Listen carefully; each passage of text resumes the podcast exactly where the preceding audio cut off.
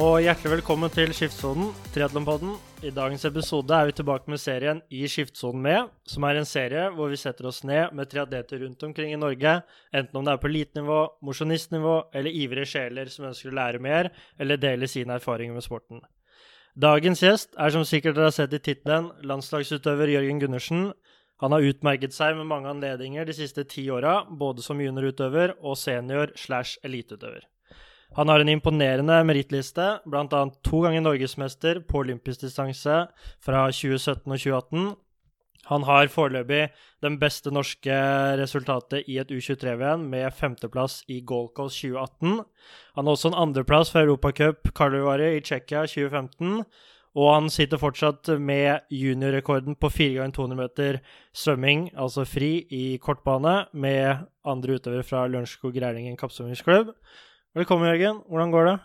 Takk, takk. Det var jo en hyggelig, hyggelig intro. Eh, det går bra. Ja, så bra. Nå sitter vi jo i leiligheten til deg og kjæresten din på Store Oslo. Dette er jo første gang jeg er her, men veldig koselig sted. Ja, nei, jeg er fornøyd med stedet og beliggenheten, så trives, trives godt her. Du føler at du får trent eh, det du skal her og litt sånne ting, selv om det er litt krevende i koronaperioden? Eh, ja.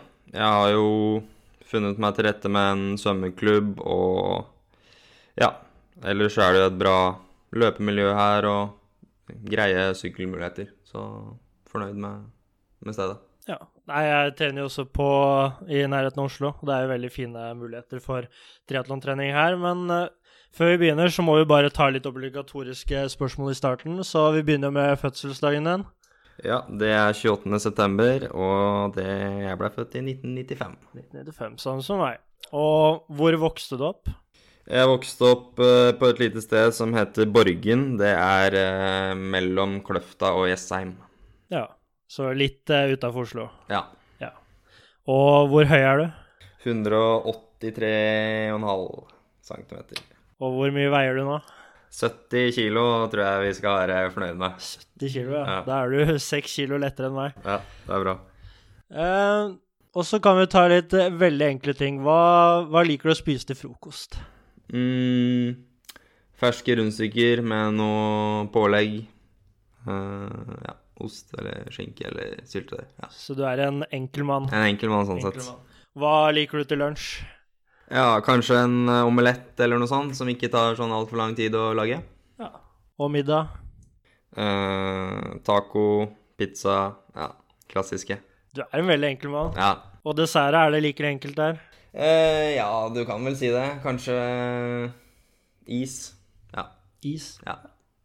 OK.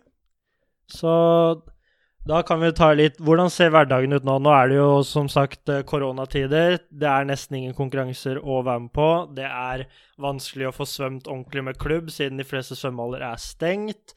Så hvordan ser egentlig hverdagen ut nå? Er det noen konkurranser du trener mot nå, eller hva, hvordan ser det ut? Uh, ja, sånn treningshverdagen, den ser jo uh, Altså, det svømmer jo som regel fem ganger i uka, og det har nå gått som planlagt med at uh, svømmehaller har blitt åpent igjen og, og, den type ting. Har jo lagt inn en eller annen åpenmåterøkt, som jeg også har gjort helt siden korona begynte nesten. Begynte jo ganske tidlig med å svømme ute. Um, så har jeg vært litt uh, skada på sykkel, og nå i det siste litt på løp. Så ja, de siste to-tre ukene har, uh, har vært ganske dårlig sånn sett. Det er jo synd, det. Det er jo Man driver jo Når man driver med toppidrett, så er det jo ofte veldig mye som kommer i veien. Og i hvert fall et så spesielt år som det er, så er det jo vanskelig å få ting til å gå som vanlig. Du er jo, Resten av landslaget er jo på høydelære i Fontremø nå. Hvorfor valgte du å ikke være med der? Eh, nei, det er først og fremst på grunn av at eh, grunnlaget mitt eh, fra ja, april, eller kanskje mars, tidlig mars, til til vi, vi, fant ut at vi kunne dra på høydeleir, har vært litt for tynt. Så da, da, er liksom ikke det å liksom En høydetrening skal jo på en måte være noe man kan liksom ta for de siste prosentene ut på formen. Og for å få en god høydeeffekt òg, så må du komme inn med godt grunnlag og god form, og det, det hadde jeg ikke da da, da det ble bestemt at vi skulle til Fontremø, og da valgte vi eh, sammen med Arild å, å droppe den, da. Ja, Og Arild er jo da din trener. Ja. ja. Eh, vi kan jo gå litt tilbake. Dette her skal jo handle om eh, litt hvor du kommer fra, litt eh, hvordan veien din har sett ut siden du begynte med triatlon og til nå. For det er, jo, det er jo gått ti år siden du faktisk begynte, og mer. Eh, så hvilken idretter har du egentlig drevet med utenom triatlon? Jeg har drevet med mye forskjellig. Jeg har drevet med mm, langrenn, skiskyting, litt fotball når jeg var eh, veldig ung. Uh, svømming. Uh, ja, og litt uh, sykling også. Ja. Så det er, er, det svømminga som gjorde at du begynte med triatlon? ja, det er vel svømminga som gjorde at jeg begynte, og så var det jo faren min som var litt sånn trener-leder for en del juniorer sånn langt tilbake, litt sånn tidlig 2000-tallet som gjorde at uh, det, det tok eh, min interesse òg, da, når jeg så at, uh, at de, de, holdt på sånn. Ja, for faren din, Stein Gundersen, er jo også grunnen til at jeg begynte med triatlon. For du begynte jo i LRK i 2009, hvis jeg ikke tar helt feil. Da svømte jo du tidligere i Skjetten. Og det var jo rundt den perioden Stein Gundersen samlet sammen landslaget nesten som vi kjenner det i dag, med Christian Blumfeldt, Lotte Miller, Gustav Iden og trener Mikael Iden. Så han var jo på utkikk etter utøvere, og takket være deg og, og faren din, så er jo det grunnen til at jeg også begynte. Men hva var grunnen din tilbake der, at du bytta fra Skjetten til LRK? Jeg tror det handla litt med, om miljøet også. Og så uh, så vi jo at uh, Christian Thorsvald var jo uh, en veldig god trener, da. Og så var det egentlig et sånt eh, prøveprosjekt på en eller to uker som jeg skulle prøve og se om jeg trivdes. Og så hvis ikke, så var det å gå tilbake til Skjetten. Eh, så fant vi ut at eh, det var jo en veldig et bra valg, og etter det så var vi der helt til Torsvoll slutta. Ja. ja. Jeg husker det. Det var jo noen veldig fine år etter at du begynte der, til til ting begynte å gå andre veier med trenerstaben i LRK. Men det var jo noen veldig fine år og veldig mange jevne, gode utøvere som uh, gjorde at alle tok steg på svømming spesielt, da. Så Men hvilken disiplin liker du best av svømming, sykling og løping? Hvilken er det som skiller seg ut? Uh, har det endra seg over årene, eller har det vært det samme hele veien? Eh, ja, det har nok endra seg litt. Jeg var jo mest glad i svømming, for det var der jeg hadde høyest nivå og sånn. Men uh, nå i det siste så har det, selv om jeg har vært en del skada, så jeg har vært skadefri i hvert fall, så har det vært løpinga som liksom har gitt mest, da. Der jeg har sett, uh, sett mest utvikling på trening, for du kan si de siste fem, seks Ja, i hvert fall fem årene så har jeg ikke hatt noe utvikling på svømming. Og da er det jo av og til litt sånn Ja, de harde øktene blir på en måte Det blir ikke så mye utvikling eh, på de, og da da får du liksom ikke den samme sånn gnisten for svømming da, som, uh, som, man har ved å liksom prøve å bli bedre. Så nå er det ikke sånn at jeg prøver å bli så veldig mye bedre til å svømme lenger. Det er mer det å opprettholde nivået, da. Mm. Så jeg tror det er det, det som gjør det, da. Ja, for de som har fulgt med Jørgen tidligere, så er jo han som regel topp ti oppå han i World Series eh, på svøm, sammen med World Cup og Europacup. Så det med å på en måte heve svømmenivået ditt er jo på en måte ikke så mye vits i. Det er jo, Vi ser sånn som Richard Varga og Javier Gomez og Brownlee-brødrene og de gode svømmerne, de bruker jo ikke like mye tid på svømming lenger, siden det er rett og slett et nivå de ikke trenger å gå til for å hevde seg. Uh, og det kan jeg være enig med at uh, du, når du på en måte har mestra det, så er det jo bedre å heller fokusere mer på sykkel og løp. Og der så er jeg også Jeg syns også løping er morsommere, siden det er det har gitt meg mer de siste årene i forhold til resultater og sånne ting. da. Uh, men hvis du måtte velge noe annet enn triatlon, noe annet enn svømming, sykling og løping, hvilken idrett tror du at du kunne gjort det bra i, eller hvilken idrett kunne du kanskje ønske å ha drevet med istedenfor? Uh, ja, jeg var jo innom skiskyting i en tidlig alder og syntes egentlig det var veldig spennende. Men så var det kanskje ikke helt det miljøet og det som man hadde på svømminga, da som kanskje gjorde at eh, det vippa over til svømming og ikke fortsatte med skiskyting. Så kanskje skiskyting. Ja. Og det er ikke noen helt annen idrett som du aldri har drevet med, som du ser at det hadde kanskje vært kult å satse på? Nei, jeg kan jo si noe sånn tennis eller noe sånt, men jeg tror ikke, nei, jeg tror ikke det. Jeg, jeg, har ikke, jeg, har ikke, tenkt på det. Nei. Nei. Nei. Nei, men det er greit, det. Men vi kan jo også gå litt lenger tilbake. Husker du hva din første triatlonkonkurranse var? Eh, ja, jeg tror i hvert fall at det var noe sånn der barnetriatlon på Nordbytjernet på Esheim. Jeg tror de arrangerte noe nordisk for ungdom og junior og kanskje senior òg. Um, Hvilket årstall var det, hvis du husker det? nei, jeg var liten, så jeg tror kanskje relativt tidlig på 2000-tallet. 2001, 2002 kanskje. Det er såpass lenge Ja, siden. jeg tror det. Så du har egentlig holdt på med triatlon i 20 år? Eh, ja Holdt på, holdt på. Ja, jeg tror jeg Nei, jeg vet ikke.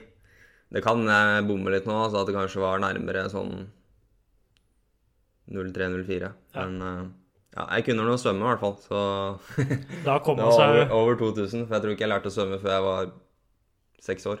Ja. Og du har jo også vært en del av landslaget helt siden det starta opp i 2010. Og der var jo også, som vi sa tidligere, Christian Blummerfeld, Gustav Widen, Lotte Miller De var jo med på landslagssamling helt fra første stund. Og det var jo på en måte faren din som var en av de som dro i gang dette her. Eh, Du har jo på en måte vært med og delta på de første junior-europacupene som vi gjorde.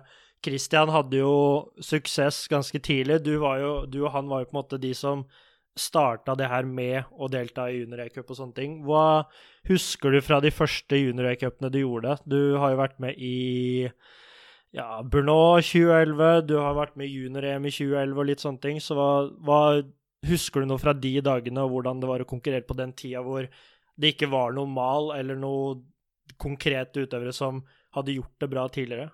Eh, ja, det var jo først og fremst veldig stort å liksom komme til utlandet og se hvor stor triatlon egentlig var, da. Og at eh, det var mange andre på vår alder som eh, satsa og var kjempegode. Og man fikk jo, som du sa, dra til EM junior i Pontevedra i 2011. Ja. Og der fikk man jo se to ganger Brownlee og Gomez og alle de stjernene man man hadde begynt å, å legge merke til, da. Så Nei, i hvert fall de aller første årene som junior, så Jeg hevda meg jo ikke noe særlig sånn på resultatlista, men var jo som regel framme der på svøm, og så prøvde å henge på så godt som mulig på sykkel uten å ha noe bra sykkelgrunnlag på den tida.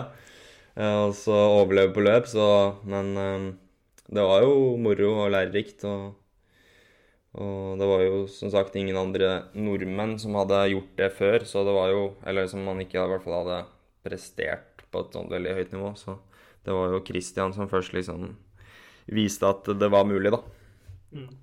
Christian eh, gjorde det, og jeg husker jo i hvert fall spesielt de første årene når jeg ikke ante hva triatlon var, og du, Kjetil Flatland og litt sånne i klubben, Håkon Johannessen også, dere drev med triatlon. Jeg husker bare at ah, man ante jo ikke hva det var. Man visste jo ingenting, og jeg husker jo svømmetreneren vår, Christian Thorsvold, kom jo etter at Christian har vært med sitt første junior-VM og bare Ja, ja, han fikk ellevteplass der og gjorde det grisebra og litt sånne ting. og det, det er sånn, Man skjønte ikke helt hvor stort det var da, når man på en måte er i Norge og ikke har noe å sammenligne med. Så man visste jo ikke så mye på den tida.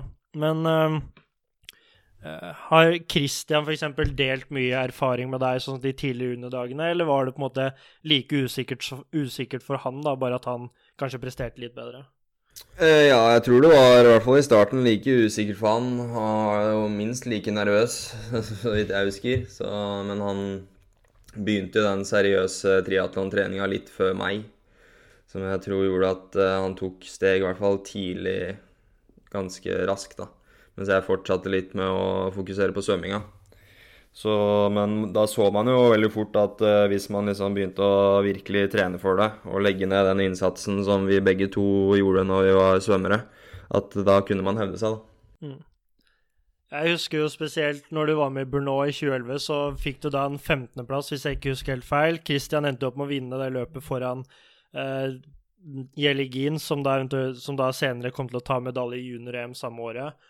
Og det var jo på en måte i hvert fall første veldig gode resultatet du fikk til.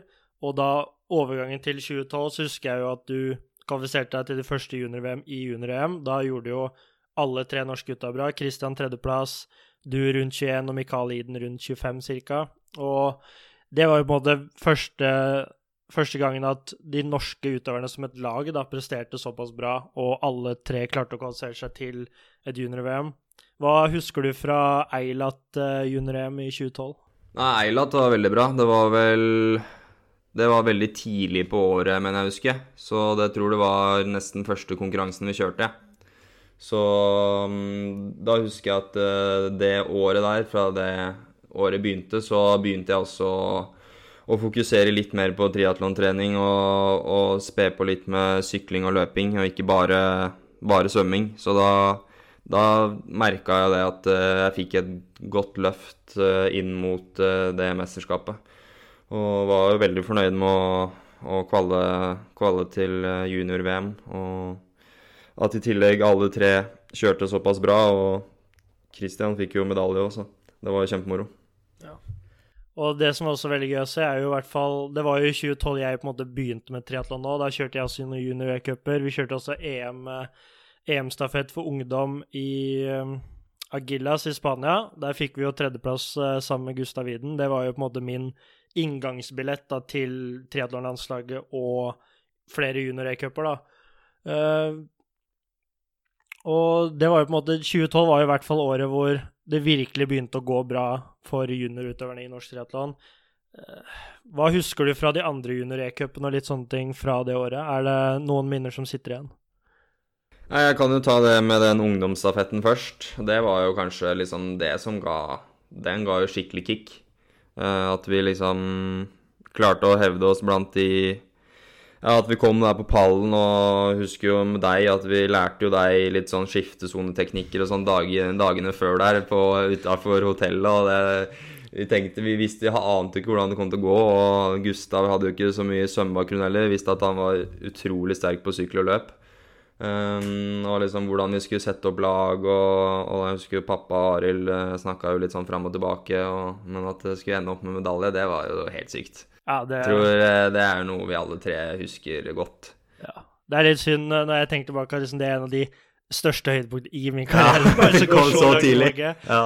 jeg husker jo hvor sykt nervøs jeg var. Jeg på en måte ja. visste ikke helt hvor stort jeg var. Nei. Hadde jo ikke peiling på det nivået som faktisk var blant ungdom og juniorutøverne her. Når vi ser tilbake til eh, Det var junior-cup dagen etterpå, og de utøverne som kjørte her, nest 50% av de som kjørte da, er jo på en måte best i verden i World Series nå. Og det var jo egentlig ganske jalla med skiftsonetrening. Lånte Arild Tiden sine sykkelsko under konkurransen, for jeg hadde jo bare eh, terrengsykkelsko og litt sånne ting, så det var jo det, Ja, det er en av de som sitter mest i for meg òg, da. Men Uh, hva tenker du med de fleste juniorutøverne som vi både vokste opp med, de er jo best i dag og litt sånne ting. Hva, hva tror du kanskje dem har gjort riktig, da, siden de fortsatt er bra? For det er jo kanskje en av de beste juniorutøveræraene som har vært til nå. Ja, det er det nok eh, helt klart, hvis du ser på hvem som uh, er oppe der i, i, senior nå. Og mange av de, som du sa, gode når de var juniorer også.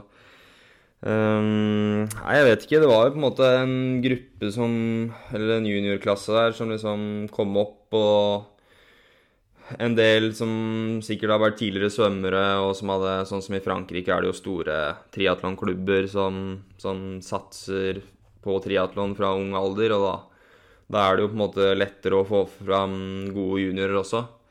Uh, så jeg tror jeg altså at den junior at den juniorgruppa der da liksom pusha hverandre til å bli bedre. Og det var jo et veldig høyt nivå, spesielt i junior-VM i London 2013. ja.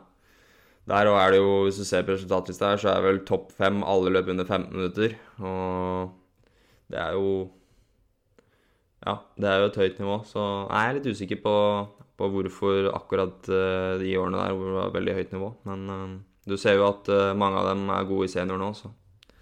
Ja. Jeg tenker det bare, For det var jo også den æraen hvor Alistair Brownlee på en måte forandra hvordan man konkurrerer. da, Sånn som i 2009, når han vant VM og vant fem World Series på rad, bare 21 år gammel, så, vi, så begynte han med den litt mer aggressive tilnærminga til konkurranse hvor både svøm, sykkel og løp skulle gå så hardt som overhodet mulig. Det var aldri noe lureløp når han var med.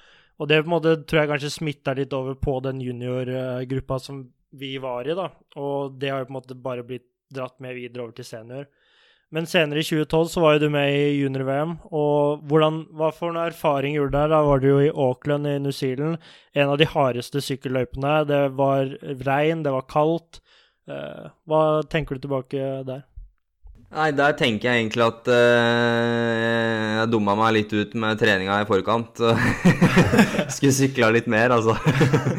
der blei jeg jo avkledd på den uh, sykkeldelen, så det holdt.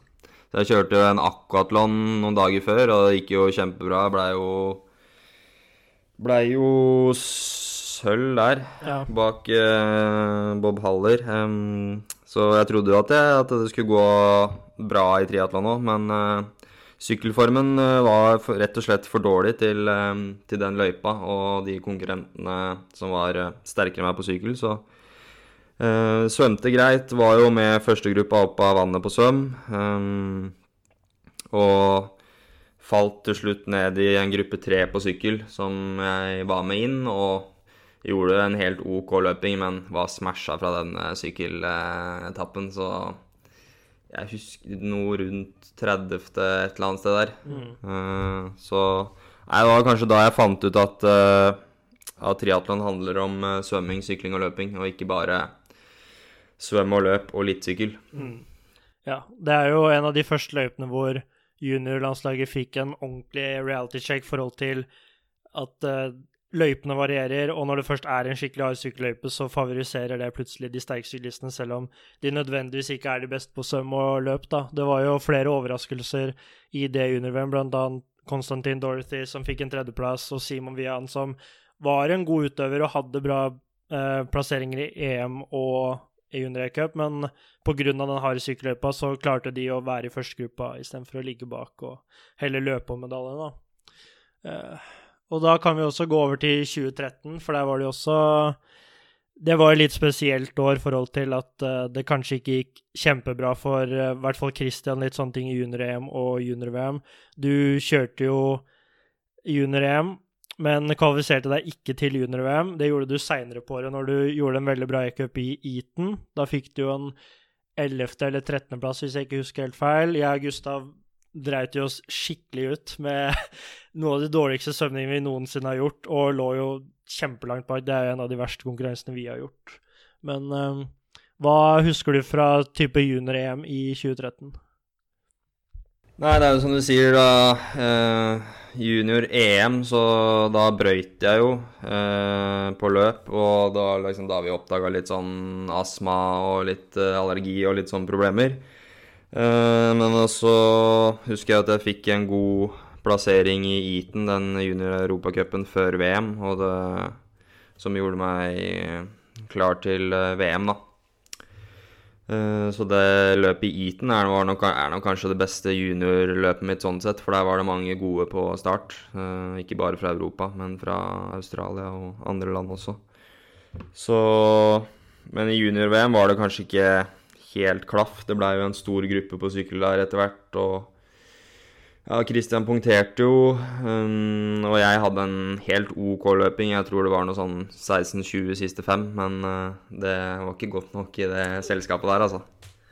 Det var jo, og det var jo året etter OL i London. Da kjørte vi jo Jeg kjørte jo age group VM, og Gustav kjørte oss det samme. Og da fikk vi jo muligheten å sykle i eh, OL-løypa og løpe så å si på de samme veiene og sånne ting. Var det en opplevelse som du måtte glede deg litt til? For det var jo ganske stor hype rundt det med den løypa etter OL.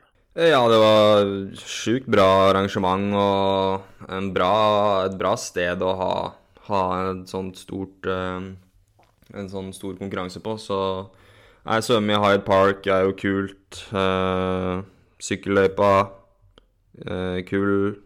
Og, og, løpinga er jo litt sånn det pleier å være. Litt, uh, litt fram og tilbake og sånn. Men uh, nei, jeg tror ikke jeg tenkte på noe særlig da, egentlig. At uh, shit, nå kjører jeg OL-løypa. Men nei, det er jo kult å se tilbake på, da. Det er det. Ja. Så da kan vi jo egentlig bare gå rett over til 2014. Dette var jo ditt siste år som junior. Eh, du kjørte jo da Du fikk ikke kjørt junior-EM, for da, der kvalifiserte Gustav og jeg meg, faktisk, Ja. Eh, foran Kasper. Du fikk jo være med senere. Du, det er litt samme som i 2013, at du ikke kvalifiserte deg i EM, men du fikk kjøre VM allikevel, fordi du beviste at du var god nok da, senere i sesongen. Da begynte du å kjøre mye mer seniorløp, selv om du fortsatt var junior. Har du noen, eh, noen konkurranser som skiller seg ut der? Eh, ja, det var et år hvor jeg um, sleit litt med skader fra, i overgangen fra svømming til triatlon. Det begynte jo å bli litt mer trening her og treningsleire og den type ting. Um, men jeg hadde en eh, 15.-plass i Europacup i Madrid med et ganske godt uh, startfelt, som var ikke første seniorkonkurranse, men noen av de første. Uh, og så var det jo em, også junior-VM i Edmonton, som jeg kvala til, der jeg og Gustav Iden kjørte. Der ble jeg nummer 24. Jeg tror han var rundt eh, topp 10, Gustav da. Så det var et helt greit løp. Hadde en god, god luke på svøm, um, men det samla seg litt på sykkel, og løpinga var sånn helt grei. Og så dro jeg og Christian til um, eh, World Cup i Cozumel og Cartagena i oktober senere det, det samme året. Og jeg kjørte vel kanskje mest for erfaring, og Christian litt sånn med tanke på OL-kvalifisering i 2016. Uh, det endte vel opp med at eh, Christian ble syk, og jeg punkterte i Cozumel. Og så dro vi over da til Colombia og skulle kjøre helga etter. Fra Mexico til Colombia. Og der hadde jeg en ganske god konkurranse. Eh, ble ikke mer enn nummer 32, men det var jo det var greit, det da. Men Christian sleit eh, fortsatt med magen og tror han blei nummer 30 eller 31. Litt usikker. Eh, så ja, det var litt sånn erfaring med å dra langt hjemmefra og, og, og kanskje ikke få det helt til, men jeg husker det som en eh, god erfaring og en kul tur, i hvert fall. For det var jo, jeg husker jo at Arild ble jo kanskje, hvis man ser tilbake nå, litt i overkant ivrig på at juniorutøvere skulle kjøre seniorkonkurranser.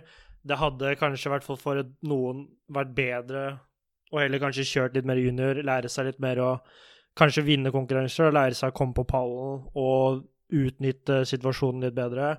Men det er jo fortsatt erfaringer man tar med seg, sånn som du sa i Madrid når du fikk eh, 15.-plass. Det er jo på den tida der med seniorfelt, det var jo kjempebra resultat. Og det er jo en av de hardere løypene man kan kjøre. Så det begynte å vise at uh, de norske utøverne begynte å skille seg ut mer hvor løypene var harde, og vi kanskje viste at vi var bedre trent, da, selv om vi kanskje ikke hadde den absolutt beste toppfarten på løp spesielt. Men vi går, kan jo gå litt tilbake igjen i 2013, for da, da begynte du faktisk å trene med Javier Gomez. Da ble du invitert til å trene med treningsgruppa hans. Hvordan uh, var det kontra å trene med det norske triatlonlandslaget? Nei, det var jo Det begynte jo litt tilfeldig der òg. Jeg var jo Jeg var på Plaita, så vi skulle ha en samling der. Så var jeg der en uke tidligere eh, dere. En uke før dere andre kom, sammen med pappa. Og da var vi på anlegget der og skulle svømme, og så så vi at uh, gruppa til Gomez hadde, hadde en treningsøkt og baner og sånn. Og så spurte, spurte jeg bare om, eh, kunne, om jeg kunne få være med og trene sammen med dem da, på den økta. Og så da begynte jeg liksom å, å prate og gå litt der. Og så så jeg at han også hadde noen uh, Altså han hadde en litt sånn treningsgruppe med litt flest spanjoler, men også noen utenlandske, da. Blant annet uh, Skumen og litt sånt. Og tenkte kanskje at uh, det er mulig hvis man spør om, om hvordan det funker, da. Så var det vel en stund etter det at uh, vi fikk mailen til å gå med, så begynte å å spørre om å få kunne være med på noen økter eller noen samlinger. Da. Og da, og da virka det selvfølgelig veldig spennende, for uh, en førsteårs senior er jeg vel da, ja, i 2015. Ehm, så ja, da maila jeg fram og tilbake med han, og han var veldig positiv til at jeg kunne få være med på samlinger. Så da, da begynte vi. Ja.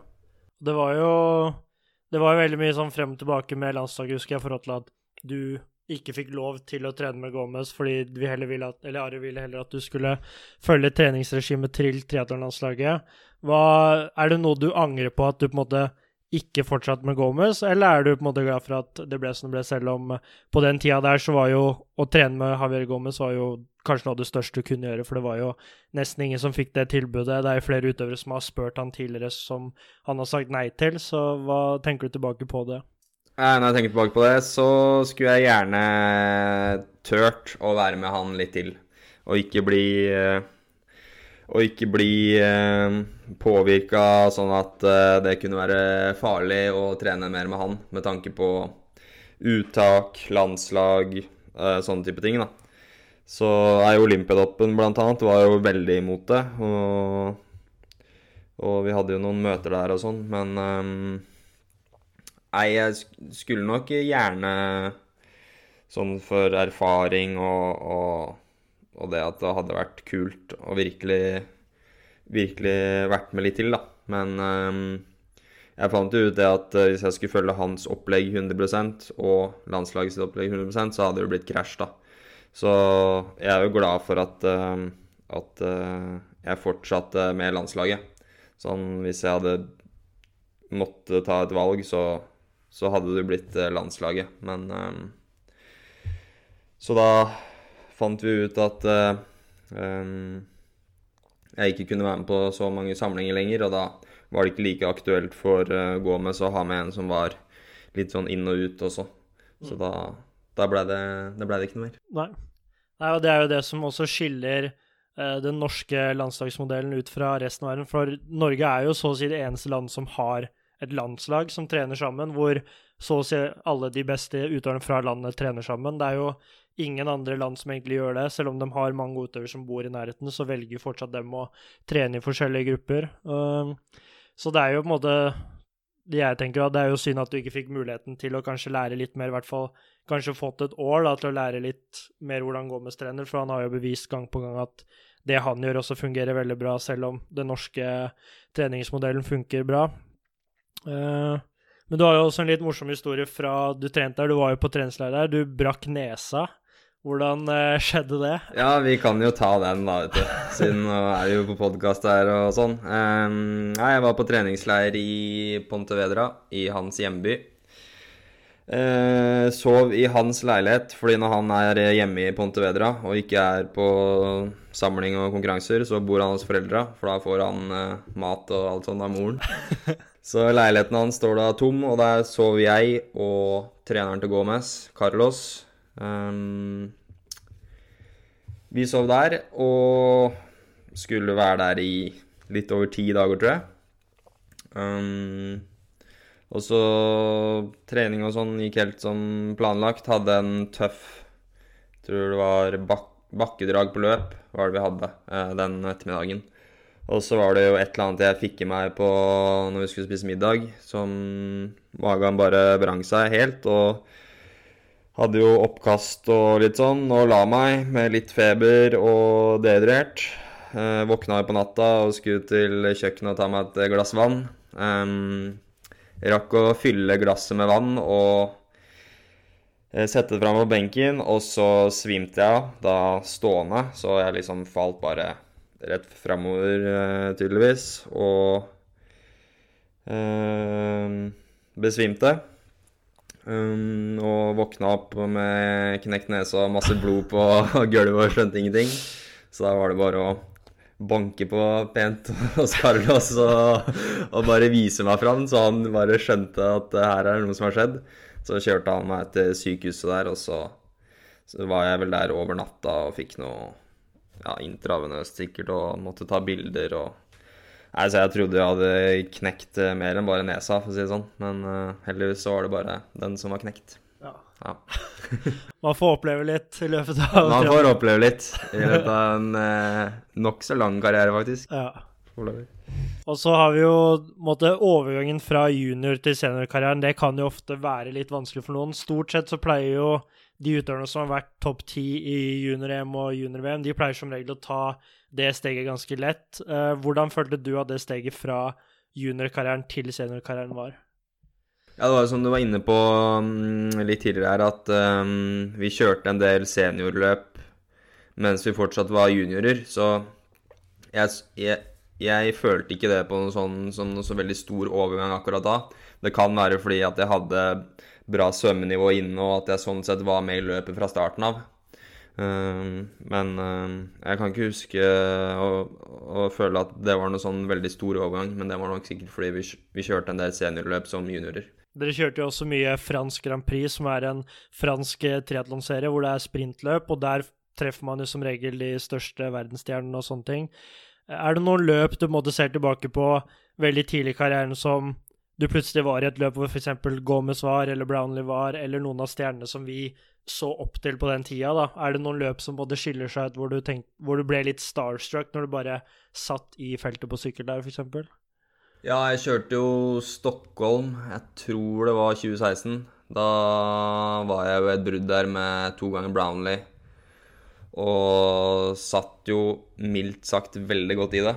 Um, og da liksom var det litt sånn Shit, nå er jeg i et VTS-løp her, og jeg sitter i bruddet, og det er uh, kameraer og helikopter og Det er det største løpet du det er, liksom, kjøre. det er det største løpet. Det er en sinnssykt kul løype. Og det er jo liksom Ja, det er Her er liksom Nå sitter du med de beste, da. Så det var nok mulig at jeg knøyt meg litt mye der og liksom ikke klarte helt å, å, fokusere på de riktige tingene, som jeg tror kanskje gjorde at uh, jeg til slutt tryna. Mm. Uh, så det var jo veldig synd, da. Men um, ja, da, jeg tror kanskje jeg ble litt starstruck der òg. Da havna jeg også i en litt sånn uh, kinkig situasjon med Brownlee-gutta der. Um, for da Christian lå jo sammen med Skilling og prøvde å kjøre seg opp fra gruppe to. De hadde stikket fra gruppe to, vi lå i bruddet. Og jeg hadde ligget litt altså litt lenge, litt for langt bak i det bruddet, så jeg kjente på at jeg fikk litt for mye av den trekkspilleffekten som man snakker om, er at hvis man ligger i en litt større gruppe og folk eh, kjører hardt ut av svingene, så tar det litt tid før jeg kommer ut av svingen, og da må du opp og jage. Så jeg merka det etter hvert og fant ut at eh, jeg må komme meg litt lenger fram. Og tenkte at eh, jeg bare skulle kjøre rundt rulla, altså sånn at man bytter på å dra, men at jeg ikke skulle gjøre noe sånn stor føring. Skulle bare være med rundt. Mm. Og gjorde jo det først etter to-tre runder, og da trodde jo da to ganger Brownie at jeg skulle bremse, eller prøvde å bremse den gruppa da, for at Christian skulle kjøre seg opp. Og da klikka de jo så inn i helvete, vet du. Det var jo gloser som eh, Ja. Som ikke kan nevnes på denne podkasten, i hvert fall. Nei, jeg tror vi skal droppe å nevne det. Det var eh, Ja, du du, du, fikk litt sjokk da. Ja. Det gjorde jeg nok. Det er jo på en måte de største stjernene vi har i sporten, og da når du på en måte først blir kjefta på og ikke blir på en måte være med å jobbe, da, siden du kunne jo ikke være med å jobbe, og da heller blir kjefta på istedenfor, er jo på en måte Det er jo ikke noe gøy. Det er jo noe som sitter i sjela da. Ja. Og jeg husker jo jeg og faren din faktisk, og foreldrene mine, satt jo så på dette løpet i Haugesund. Det var jo dagen før jeg og Gustav kjørte vår første Alarman der, hvor Gustav vant. Og vi husker jo bare hvor vondt de fikk av å se at du tryna i den ene svingen ganske seint på syklinga, og det var stor luke ned. Eh, vi husker jo hvor ekstremt kjedelig det var, og det var jo sikkert enda kjedeligere for deg. Du har jo hatt litt uflaks eh, som både junior og seniorutøver. Jeg har jo sett, enten sett det på TV eller sett det live, og det er, jo, det er jo en del av idretten, men det er jo veldig kjedelig når på en måte ting ligger til rette, alt går bra, og så er det på en måte en sånn liten idiotisk ting som bare skal, eh, skal ødelegge alt. Ja, det var uh, veldig kjipt uh, der og da. Det uh, husker jeg veldig godt.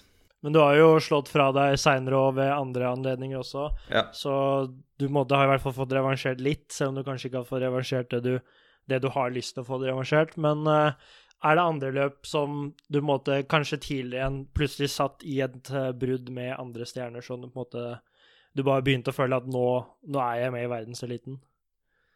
Uh...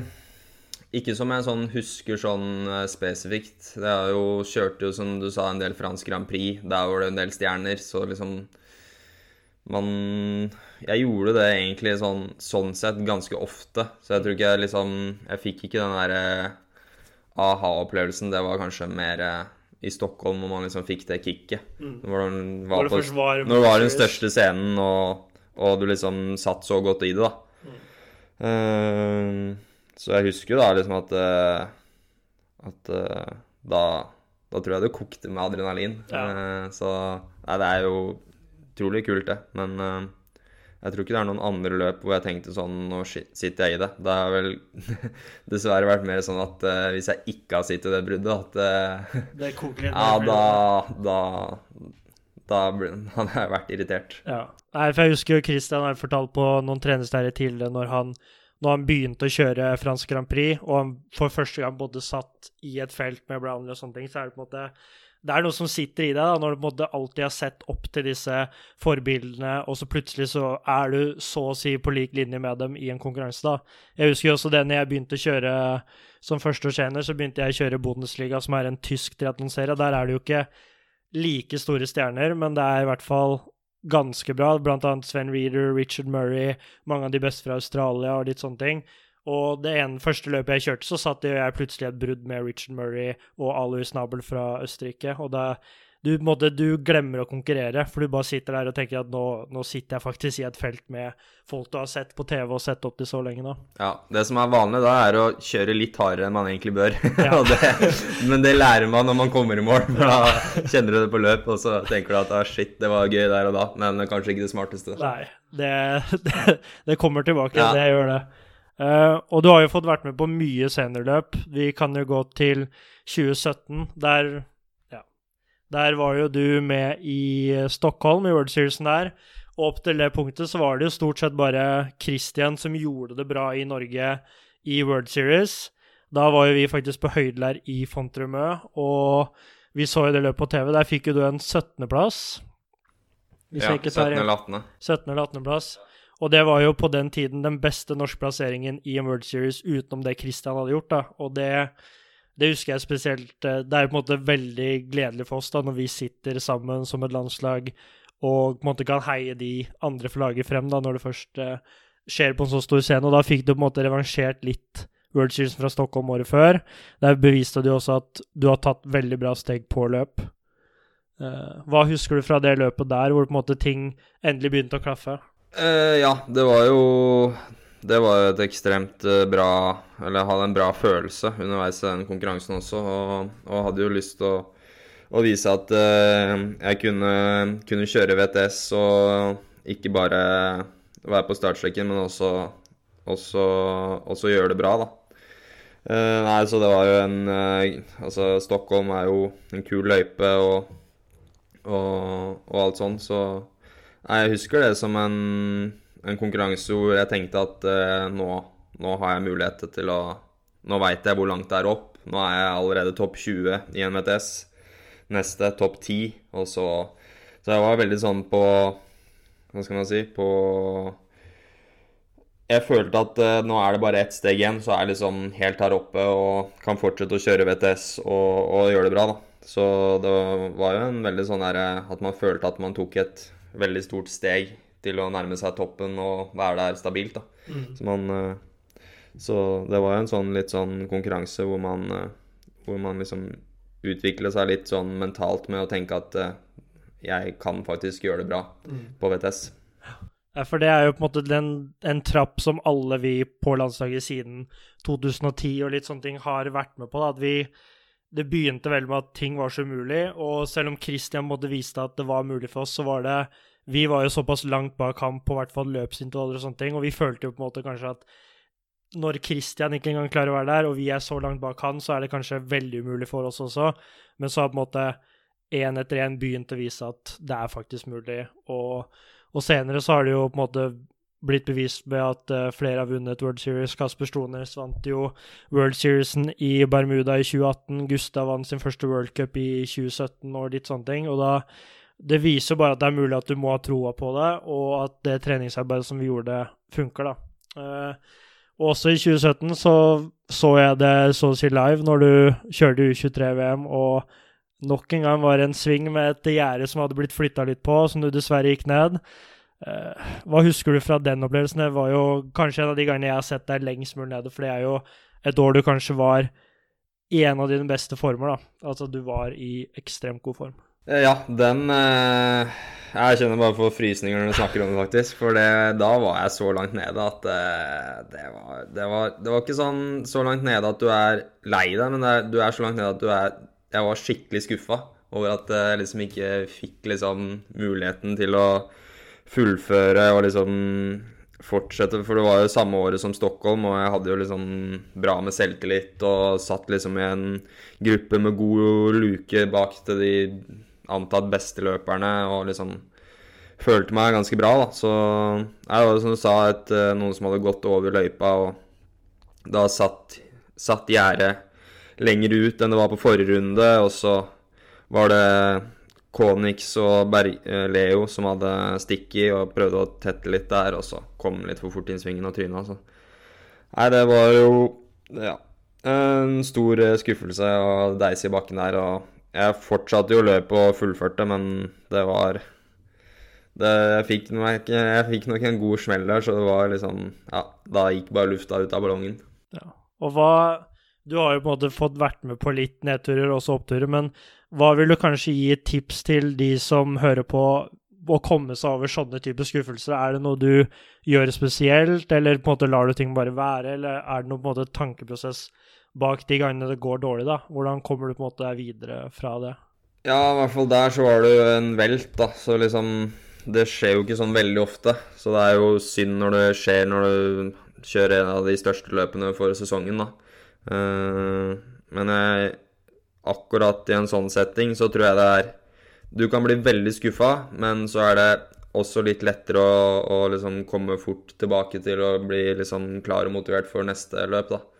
Uh, for du veit jo at det var, det var en krasj, du var litt uheldig og, og den type ting. da. Så jeg syns jo sånn sett at det er lettere å, å komme tilbake til enn f.eks. en skade, eller hvis du har kjørt mange dårlige konkurranser på rad og ikke vet hvorfor det går dårlig, f.eks. Mm. Så nei, sånn, sånne type ting, det syns jeg går bedre. Jeg bare tenker på Du har kjørt masse andre løp, du veit hvordan formen er.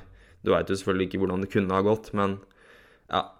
Jeg føler i hvert fall det er lettere å, å komme seg opp av, av de enn uh, en, en skade, f.eks. Mm. Så du tenker heller mer over hvis det går dårlig flere konkurranser på rad, og på en måte du, det ikke er noe sånne uhell, så er det på en måte de som går mer inn på deg enn typen velt. Da. Selv om det er kjedelig, så er det på en måte det, det er ting som skjer, og man på en måte må godta Ja, det er litt sånn part of the game mm. i, i, idrett, og når du i hvert fall sykler i, i felt og sånne type ting, så, og sykler tekniske rundløyper, så er det sånn som kan skje, og da Ja. Med mindre det ikke skjer sånn veldig ofte hver sesong, så, så i hvert fall for meg så har det gått greit. Ja. For det er jo flere som har vært uheldige der. Christian Blumfeldt tryna jo både i Hamburg i 2019, i World Seriesen der, og i Tokyo Test Event, så han har jo også vært med på eh, litt sånne. Han fikk jo slått tilbake ved å vinne grand final senere det året i Lausanne. Men samme med Javier Gomez òg, brakk jo albuen en måned før OL i Rio i 2016, og det er nå kanskje det OL-et han hadde best sjanse på å vinne et OL-gull, da. Han har jo en andreplass og fjerdeplass fra tidligere, og Richard Murray også trynte jo par måneder før OL i Gold Coast og brakk noe kragebein og litt sånne ting. Så det er jo ting man må følge med på under en konkurranse. Og jeg har jo også vært i lignende situasjoner selv når jeg har kjørt enten bonusliga eller e-cup eller hva det skal være, så er det på en måte Du må alltid følge med og være bevisst på hvor du er i felt og sånne ting, for det er Å tryne på sykkel, det er så fort gjort hvis man ikke følger med, og det er i triatlon så kan det komme veldig mye forskjellig nivå på syklister. Folk som ikke helt vet hvor de skal operere i feltet og litt sånne ting. Så det er vel et tips du kanskje vil gi til lytterne, at uh, uansett type løype, uansett nivå og sånne ting, så er det greit å alltid følge godt med på sykkel, da.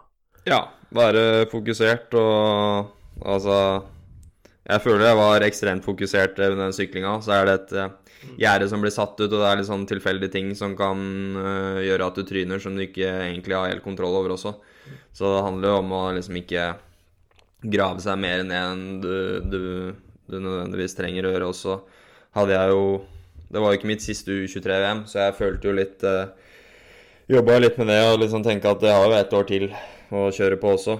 Og så er det jo Ja til syvende og sist så er det seniorer som gjelder. Men junior og U23 er veldig gode sånn trappetrinn på vei opp. Og du får jo er, sånn erfaring med å kunne kjøre om de, de beste plassene da, i de klassene. Så jeg brukte det litt som motivasjon før eh, U23-VM i 2018. Mm. Så Og for de som ikke har sett uh, løpet fra 2017-U23-VM, så kan du se på det på Triatlon Live. For det er, det er jo kanskje Den sykkelløypa i Rotterdam er kanskje Selv om det ikke er den hardeste med bakker og sånne ting, så er det kanskje den mest tekniske og krevende løypa som kanskje noensinne har vært i triatlon. For det var fotgjengerfelt, trikkeskinner, så sykt mange 90-graderssvinger i brostein. brostein i trange løyper. Så det er jo en løype som kanskje krever ekstremt mye fokus. Så, men du fikk jo slått fra deg året etterpå, i 2018 i Gold Coast. Da fikk du en femteplass i U23-VM i et veldig sterkt felt. Og hvordan, hvordan erfaringer fikk, følte du på en måte at du fikk revansjert litt, og at du fikk ut det du var god for der? Eh, ja, det var jo ganske jeg var veldig fornøyd med den eh, konkurransen, og jeg følte at jeg fikk ut mye av det jeg var god for den dagen, og det er liksom det man liksom leiter litt etter òg. Altså når du liksom ikke Jeg gikk jo inn med liksom, kanskje et håp om at eh, hvis alt klaffer og bruddet går helt korrekt med de folka som jeg kan slå på løp osv., at eh, det kan bli medalje, men når det var jo en ekstremt eh, ekstremt mange gode på start også, som noen av de kunne kanskje kjørt senior og litt sånn i tillegg, så um, Nei, det var en, en, spennende konkurranse, og også litt sånn bittert i ettertid å se liksom at uh, det var mye vind på den løpeetappen, og at uh, hvis jeg hadde gjort en litt bedre T2 og vært med litt mer teten ut der, om hvis som, hvis som at ikke sant? Det er litt sånn man tenker etterpå, at hvis jeg hadde vært den ryggen om jeg kunne klart å kjempe mer om medaljene, da, men uh, uansett så var jeg i hvert fall, og er fortsatt fornøyd med den femteplassen, så. Mm. Ja, og det var jo Jeg så jo alt det her på TV, for jeg var jo ikke i Gold Coast i Australia der, men det var på en måte eh, ekstremt kult å se at du fikk det ut der, for det er jo på en måte en av de gjeveste plassene du kan prestere. U23-VM er jo veldig stort eh, i triatlonsammenheng, og noe av det jeg husker best, var jo når jeg kjørte min første senior olympisk distanse E-cup i 2017 i Gran Canaria, så fikk jo du en liten hofteskade rett før konkurransen her. Vi skulle egentlig kjøre det sammen. Uh, og du ga jo meg veldig mye sånn trygghet i bare det å på en måte trene med meg og være der for meg når jeg skulle på en måte For jeg var jo ekstremt nervøs, for det var jo 1500 meter svømming. Jeg er jo dårlig på svøm, og det var på en måte, det var så sykt mye jeg grua meg til. Men de dagene før det gjorde på en måte at jeg fikk den roen da, som jeg trengte for å prestere. Og det gjorde også at man det, til slutt endte opp i første gruppa og fikk til en bra konkurranse. da. Og det er jo det som også skiller kanskje det norske triatlonlandslaget ut fra andre land, er jo på en måte at vi stort sett er veldig flinke til å backe hverandre opp, gi hverandre råd, være der når man på en måte trenger det, og, og gjøre ting riktig da, for at alle skal kunne prestere best mulig hele tiden. Og, men vi kan jo også gå videre til det med triatlon. Hvor mye har det på en måte det Hvordan har den gruppa vært da de siste årene? Har det på en måte alltid vært bra, eller føler du på en måte at ting Ja, hvordan har på en måte den perioden vært da med landslaget? For det har jo vært en god gjeng hele veien. Ja, det har jo det har vært en god, god gjeng fra starten av. Mange som har vært med fra første, første året det ble starta opp også. Så Nei, nå er det jo kanskje blitt litt mer at man har Selvfølgelig, man utvikler seg fra når vi alle var juniorer og det var ingen seniorer på landslaget, til at nå er det jo juniorer og seniorer og noen som kjører U23 og litt sånn, så nå er det jo blitt veldig spissa altså mot OL, og vi har jo på en måte fått uh, god hjelp fra, fra andre, andre, personer enn bare Arild også, så det har jo blitt sånn, som jeg ser det, sånn spissa til et, uh, til et opplegg som liksom Hvor man skal kjempe om medaljer i OL og VM, da, og det er jo ekstremt kult. Ja, det er jo på en måte ikke sånne mål vi Selv om noen kanskje hadde de måla i starten, så var det bare ikke det realistisk for de fleste på laget. Og med den treningsfilosofien og den gruppa som har backa hverandre opp da, over så mange år, så er det på en måte eh, Det er noe av det jeg savner nå, nå som jeg ikke er på landslaget, er på en måte å dra på treningsleirer med laget, være rundt dem og på en måte være en del av den sykt kule atmosfæren som blir skapt der, da. Eh, men vi kan jo gå tilbake litt og sånn som triatlonløyper, er det noen konkurranser eller løyper på en måte du har som en favoritt, som du på en måte elsker å komme tilbake til å kjøre? Uh, ja, Stockholm har vært kult å kjøre igjen. Ja. Uh, kul løype. Uh, ellers så har du jo en worldcup uh, i Caluary i Tsjekkia. Der fikk jeg jo andreplass i 2015. Det er jo worldcup nå. Mm. Ellers så Ja, nei, jeg tror kanskje de to er de De De kuleste. seg mest ut. Ja. Ja. Og når det kommer til treningsleir, du har jo på en måte Man skiller jo som regel på en vintertreningsleir og en treningsleir man er på på sommeren. Hva, hvor er ditt favorittsted å dra til når det på en måte er vinter, høst og kaldt?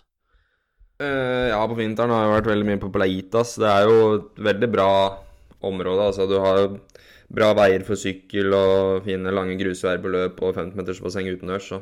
Men man blir jo litt lei av det samme. Vi har vært der i mange år, så Nei, hvis jeg skal si, så kanskje et sted hvor vi ikke har vært så mye på samling, men hvor jeg har vært et par ganger sjøl, Gran Canaria. Det er jo veldig fint òg. Der er det. Ja. Sånn på sommeren, er det en treningsleir du liker å dra best på? Der, der pleier vi jo i hvert fall å være i Fontremø. Ja, nei, på våren pleier vi å være i Sierra og sommeren Fontremø. Uh, så jeg liker egentlig begge to veldig godt på hver sin måte. Jeg føler at uh, Sierra er best på, best på våren, og, og Fontremø er best på sommeren. Så jeg tror Jeg syns i hvert fall den blandingen er, uh, er bra. Ja. Og når vi da kommer til trening, for det er det jo også en del som uh, har lyst til å vite litt om, hvordan uh, er treningsuka på en måte veldig annerledes fra du var junior til nå, eller har ting vært ganske likt, bare at du kanskje har gått opp litt i mengde? Uh, ja, jeg syns egentlig treningshverdagen er Eller altså Det er egentlig ganske likt som det var når vi var juniorer. Det er bare at uh, treningene og fokuset er litt annerledes. Som sagt, så når jeg var yngre og i starten, så var liksom fortsatt det å liksom ta steg på svømming på trening veldig viktig for meg. Og syntes det fortsatt var veldig gøy og, og, og, og den type ting. da. Så nå har det jo vært mer at man man er litt mer um, spissa mot, uh, mot uh, hvor jeg har lyst til å utvikle meg da, som triatlet. Uh, har jo hatt kanskje de siste årene mer fokus på at når, uh, når jeg har de løpeøktene som skal gi utvikling, at jeg har overskudd, og at liksom de blir litt sånn A-type økter. da, At det er viktig å være på der. Og at svøm da har liksom fått litt sånn prioritet nummer tre. Er det sånn sånn Jeg veit jo hvordan vi trener, men hvordan uh, Er det terskeltrening som går mest igjen på triatlonslaget, eller er det litt andre varianter? Ja, det kommer jo litt an på når på året, men uh, ja, i triatlon så er jo en ekstrem utholdenhetssport. Én til to timer og mer hvis du kjører langdistanse, så um, en, høy, en høy terskelfart er jo, er jo viktig. Og, og når vi trener så mye som vi gjør også, så er det viktig at uh, vi, vi klarer å ligge på riktig intensitet. Hvis ikke så blir det eh, fort uh, for mye, da. Og da klarer vi ikke fullføre treningsbolken eller, uh, eller holde, holde den rutinen, da. Så det er jo derfor vi også tar jo en del laktat for å sjekke at vi er på. Så det er jo ikke viktig for en mosjonist som trener 10-12 timer i uka, at han ligger på 3,0 eller 2,5 i laktat når han har nok av restitusjon til å, bli, altså, til å være klar til neste økt. Da. Så jeg føler jo at uh, ja, vi trener mye terskel, men det er jo også for at vi skal klare å trene, trene såpass mye som vi gjør, da. Mm. Så det vil også være mer terskeltrening type fra høsten til våren, og så kanskje gå litt mer over til race spesifikt, så at du kanskje jobber litt over konkurransefart og sånne ting. Er det, stemmer det? Ja, og så gjør vi jo også brick i løpet av vinteren, men da er det som regel hele blikken er på terskel. Mens når vi da på våren sånn ikke så mye Sierra, men litt kommer litt an på hvordan man er som person, eh, og hvordan man eh, absorberer trening. Men eh, i hvert fall etter Sierra, og da liksom når konkurransene begynner å komme litt, så går de brikkene over til å, å være mer i sånn eh, konkurransehastighet da, enn terskel. Eh, og det er jo for å gjøre beina og systemet klar for eh, konkurranse. Men eh, de rene sykkel- og løpeintervallene er som regel fortsatt terskel. Ja. Og når Jørgen da sier brick, så mener han da en såkalt overgangsøkt, hvor du på en måte kjører sykkel- og løpsintervaller i ett, og det er det jo tusen forskjellige varianter du kan gjøre. Du kan enten kjøre alt av sykkelintervaller først, og så rett over på løpsintervaller. Du kan kjøre en type fem til seks minutter eller mer på sykkel, rett over på løp, og så gjør du det kanskje fem-seks ganger. Og det er jo en økt man bruker for å gjøre beina vant til å løpe etter en hard sykling, da, for det er jo stort sett det man trenger i triatlon. Det har liksom ikke noe å si hvor fort du kan løpe en fem eller ti kilometer hvis beina ikke er vant til å løpe etter en hard sykling. Så, så det er laktattesting og terskel som går igjen mest. Det er jo kanskje en litt sånn modell som Ingebrigtsen eh, treningsteamet gjør også. Ja, og så jo, har vi jo litt sånn forskjellig Altså du har jo arob terskel og anarob terskel også, så, men det er jo anarob vi er vi er mest ute etter å, å bli gode på. Men um, ja, så gjør vi jo en del tester i lab også for å finne ut hvilke områder vi trenger å forbedre, og om det er noe vi kan endre for å bli, for å bli bedre, da. Så det er jo på en måte hele tiden en plan bak det vi gjør, da. Og, og det er jo på en måte litt sånn betryggende også, og liksom I hvert fall Det fins jo mange veier til rom, men at vi sjøl har troa på at det opplegget kan gjøre oss til verdens beste. Da. Det er jo Når du ser at eh, andre på laget eh, får det til med så å si samme trening, så er det jo veldig lett å, å tro selv at det skal gå for deg også. Ja, for det er jo også en del som er viktig at du, måtte, du må jo ha troa på det opplegget som blir gjort. Og hvis du måtte du, hvis du er i livs beste form og ikke tror at det kan gå bra, så går det som regel ikke bra. Det er liksom vanskelig å prestere hvis du ikke har troa selv. Og så er det jo tøft å trene så mye og ikke ha trua på at uh, dette her kan gjøre deg til verdens beste. Ja. Da tror jeg Ja, det funker jo ikke. Nei, det funker veldig dårlig. Uh, hvor mange typer hardøkter har du i hver disiplin uh, i uka, sånn i snitt, hvis du bare skal ha en helt generell treningsuke? Uh, ja, nå i Bergen så var det jo en del Kanskje mer enn som jeg kanskje føler er optimalt for meg selv. Da tror jeg vi hadde opptil tre harde svømmeøkter i uka. Normalt sett så har jeg én til to her hjemme nå. Um, to terskel og eventuelt én terskel og én eh, konkurransespesifikk. Um, så la oss si to på svøm, da, og så har vi én på sykkel og én på løp. Og av og til så bytte ut den på sykkel eller løp med en brick. Så la oss si fire i snitt, da. Det er jo greit tall. Resten av treninga blir jo da på en måte for å gjøre seg klar til hardøktene. Litt restitusjon og litt mengde bare for å fylle på. Ja, litt langturer og for det meste eh, utenom et par langturer Eh, sånn rene hva skal man kalle det, vedlikeholdsøkter.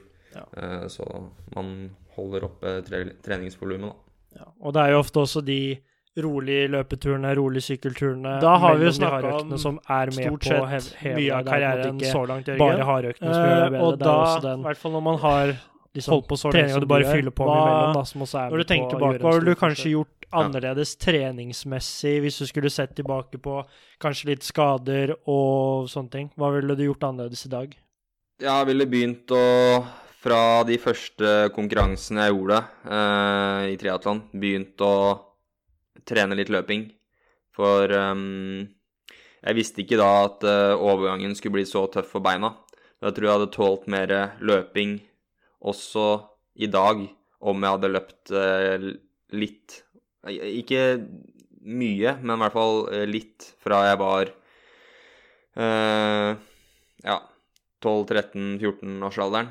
Uh, eh, for da var det jo ingen løping. Og da, med mye trening i, i vann og sånn svømmer, så fikk jeg jobba opp en god motor, hadde jo god kondis sånn sett. Og det var jo lett å liksom på en måte løpe fort, men beina tålte jo ikke. Så sånn generelt så ville jeg hvis jeg kunne, eller visst hva jeg vet i dag, så hadde jeg begynt å løpe mye før.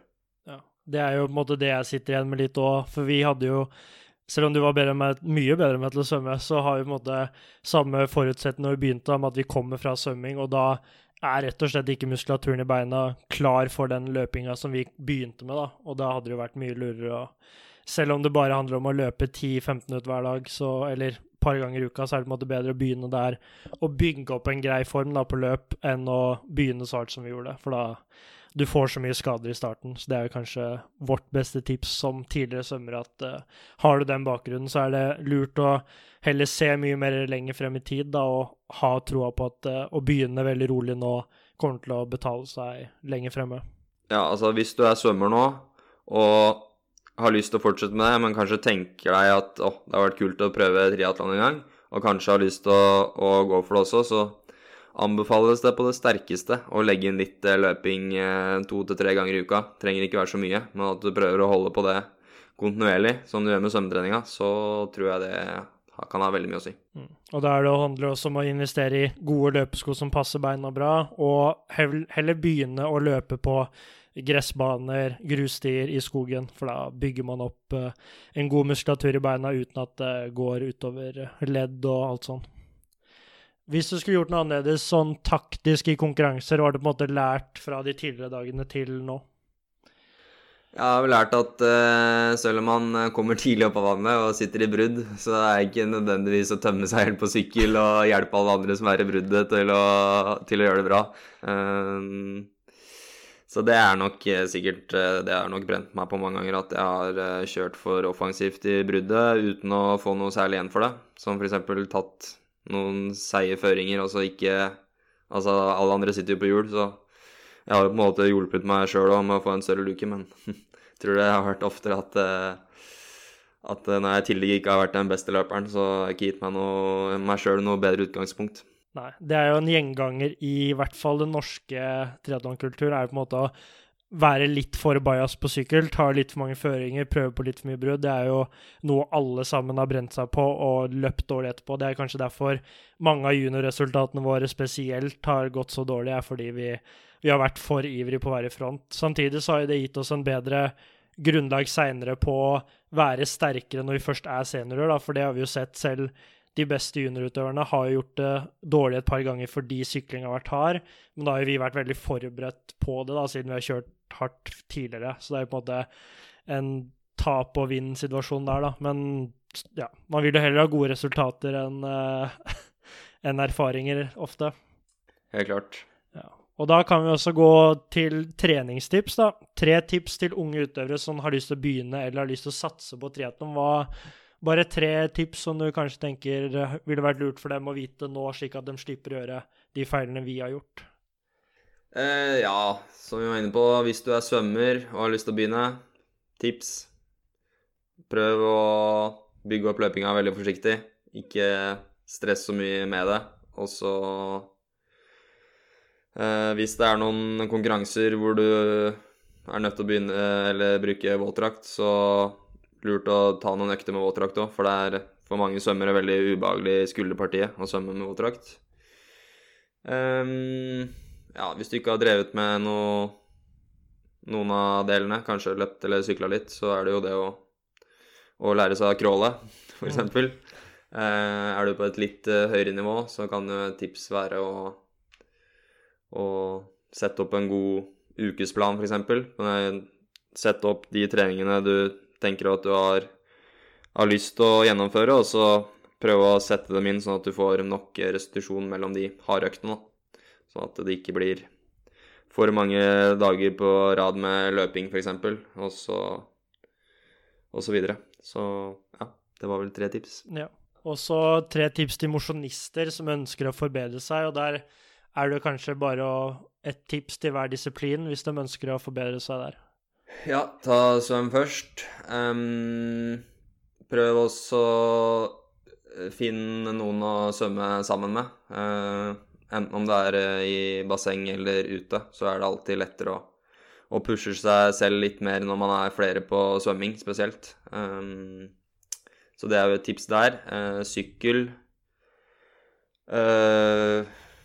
Ja For en mosjonist så kanskje trene på å ligge litt Hvis du skal kjøre som oftest, er det jo konkurranser hvor du må sykle alene. Så øve på trening og ligge i bukken eller eh, ligge godt eh, aerodynamisk kan man jo tjene mye på, og er jo sånn sett eh, lett å øve på.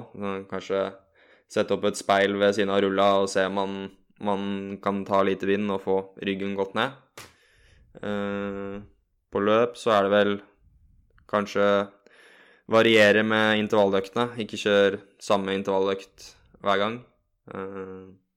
Og varier litt i fart, selv om du vet hva slags fart du har lyst til å løpe på konkurranse, så kan det være greit å løpe litt, litt over og litt under den farta òg. Mm.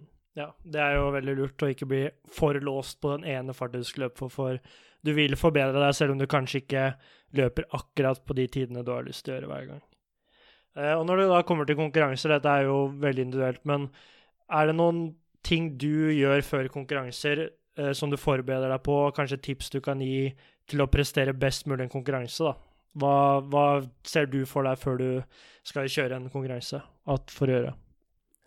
Eh, nei, jeg prøver jo Nå er det jo ofte internasjonalt at man går gjennom løypa sammen med alle andre utøverne dagene før, så det er jo et tips å gå gjennom løypa og vite hvor sykkelløypa går.